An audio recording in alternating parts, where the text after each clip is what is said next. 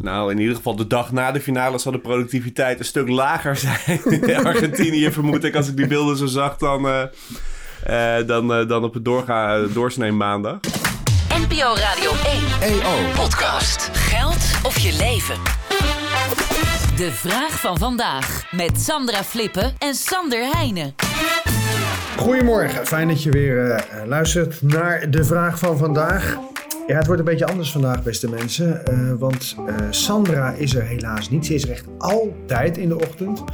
Alleen vandaag is ze er niet. Uh, het gaat haar niet lukken. Maar niet getreurd. We laten jullie natuurlijk niet zitten. Want Sander is er natuurlijk wel gewoon. Goedemorgen, Sander. Goedemorgen, Hans. Fijn dat jij er wel bent.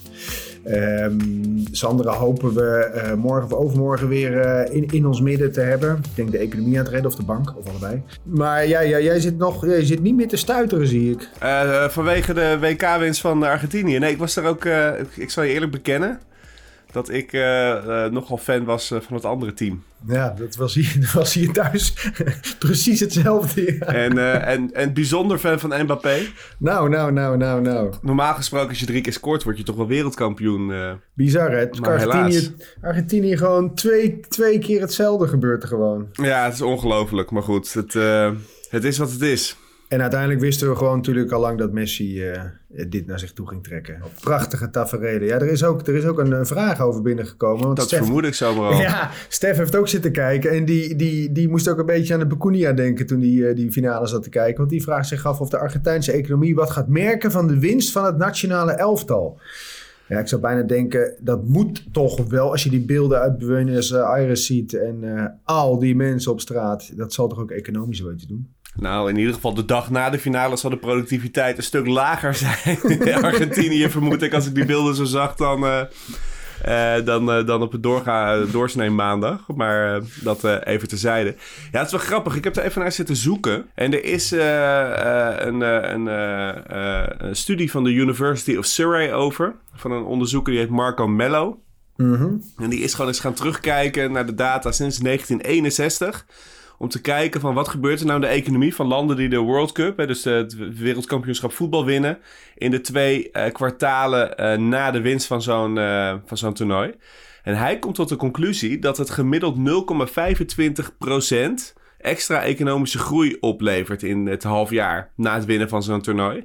Dus statistisch gezien zou je dus verwachten dat dat leidt, ook in Argentinië, tot, tot een beetje extra groei. Ja. Nou, is dat natuurlijk geen uh, wet van mede en persen. Hè? Dus het, uh, er zijn ook voorbeelden van uh, landen die wat meer economische groei hebben gehad na zo'n, na zo'n overwinning en landen die het niet hebben kunnen realiseren. Dus uiteindelijk is het best lastig om die twee met elkaar te verbinden. En als je kijkt naar de Argentijnse economie op dit moment. Oh, dat dan, die is echt belabberd toch, Sander? Die staat er heel beroerd voor. Die hebben net de grote lening bij het IMF weer moeten afsluiten. Ze hebben een inflatie van 100 procent dus als we denken dat wij het hier slecht hebben, dan uh, nou ja, uh, gaan ze naar Argentinië kijken. Uh, maar een van de belangrijke sectoren in Argentinië is natuurlijk de landbouw. we kennen het allemaal van, het, van het rundvlees, van de steek. Ja, en klimaatverandering. Argentinië kampt gewoon ook met droogtes en met slechte oogsten. En met, dus, dus er zitten een heleboel structurele factoren in die economie. Waarvan ik me echt afvraag: van, zouden die nou gaan profiteren van deze WK-winst? Want wat je normaal gesproken ziet, hè, die extra economische groei, die komt voor een deel ook voort uit dat het.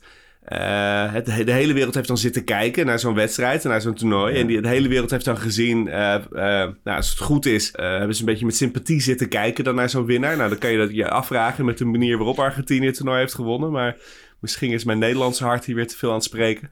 Maar in ieder geval, dat, je, dat je wat meer sympathie voelt voor Argentinië. Hè, voor het land dat wint. En dat je daardoor iets eerder Argentijnse producten koopt, omdat het uh, uh, meer op je radar zit. En daardoor zou die extra economische groei verklaard kunnen worden. Ja, want waar, waar, dat vraag ik me wel af, waar zou dat dan in zitten, zo'n economische groei? Het zijn niet allemaal shirtjes van Messi, want die hebben ze allemaal al, geloof ik. Nou ja, dus, dus, dus bijvoorbeeld een voorbeeld wat goed beschreven is. Toen Brazilië de, de wereldbeker won in 2002... Uh, dat stond natuurlijk aan het begin sowieso hè, van de enorme economische groei die Brazilië begin deze eeuw heeft doorgemaakt. Um, maar goed, uh, de, de gedachte is, hè, je bent dus wereldkampioen en mensen vinden daardoor Brazilië een extra leuk land. Dus als jij als Braziliaan ergens binnenkomt om zaken te doen, dan word je eigenlijk met een beetje meer welwillendheid ontvangen. Dat is zo ongeveer hoe dat, uh, hoe dat zou moeten werken. Ah, het zit meer in het onderbewustzijn waarschijnlijk dan. Precies. precies. Psychologische bijna. En dat, ja, en dat. Uh, ja, ik hoop voor de Argentijnen dat ze het zullen merken. Maar nou, als, nou, nou. als ik heel eerlijk ben, als ik kijk naar hoe hun economie ervoor staat en uh, ja. hoe dat land er ook financieel aan toe is. Ja, dan is 0,25% extra groei het komende half jaar. Dat gaat het hem niet dat gaat het verschil niet maken voor ze. Gaat het niet worden, nee. Nou, Messi heeft in ieder geval zijn best gedaan. Uh, nu is het aan Massa, want dat zo heet de minister van Financiën. Dat lees je ook wel links en rechts. Die mag nu, uh, die mag nu eens aan de slag. Um, ik denk dat, dat de komende dagen nog even, even van die productiviteit uh, weinig terecht komt.